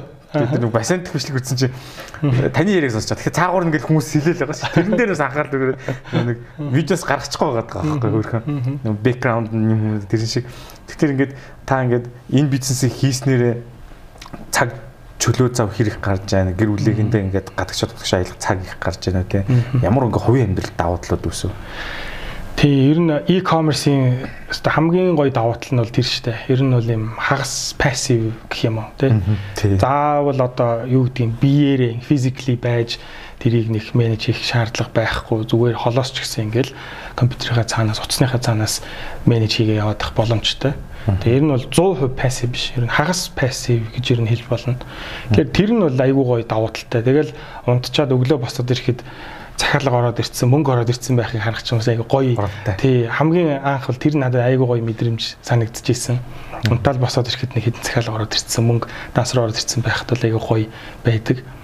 Тэгэхээр э, тиймэрхүү боломжуудаас үүдээд гэр бүлдээ эхнэр хүүхдтэй цаг зав зарцуулах бол мэдээж хэрэг э, зөндөө цаг зав зарцуулдаг. Тэгээ манай эхнэр бит хоёр уусаа бизнесээ хамт хийдэг учраас бит хоёр бол би тоглоом байгаад тэгтээ 24 цагийн 25-нд л хоёлаа хамт байна даа гэл тэгж идэг. Ер нь байнга л хамт байж идэг тий. Тэгээ хүүхдтэй ч гэсэн айл болох юм их цаг зарцуулахыг боддог.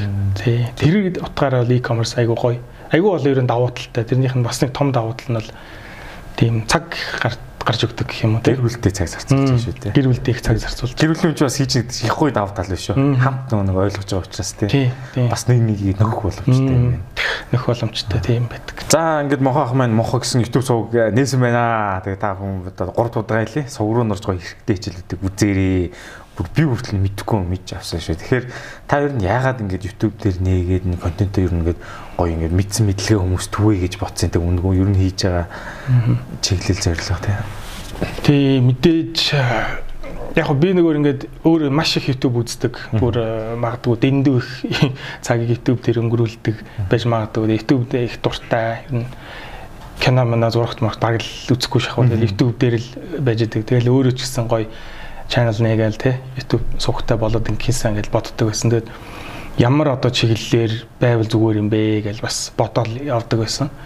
Тэгэд ер нь яг ингээд анзаараад хад YouTube дээр бол хоёр төрлийн content creator байгаа юм шиг харагдаад байдаг. Нэг нь болохоор яг educational талдаа, нөгөөх нь entertainment талдаа.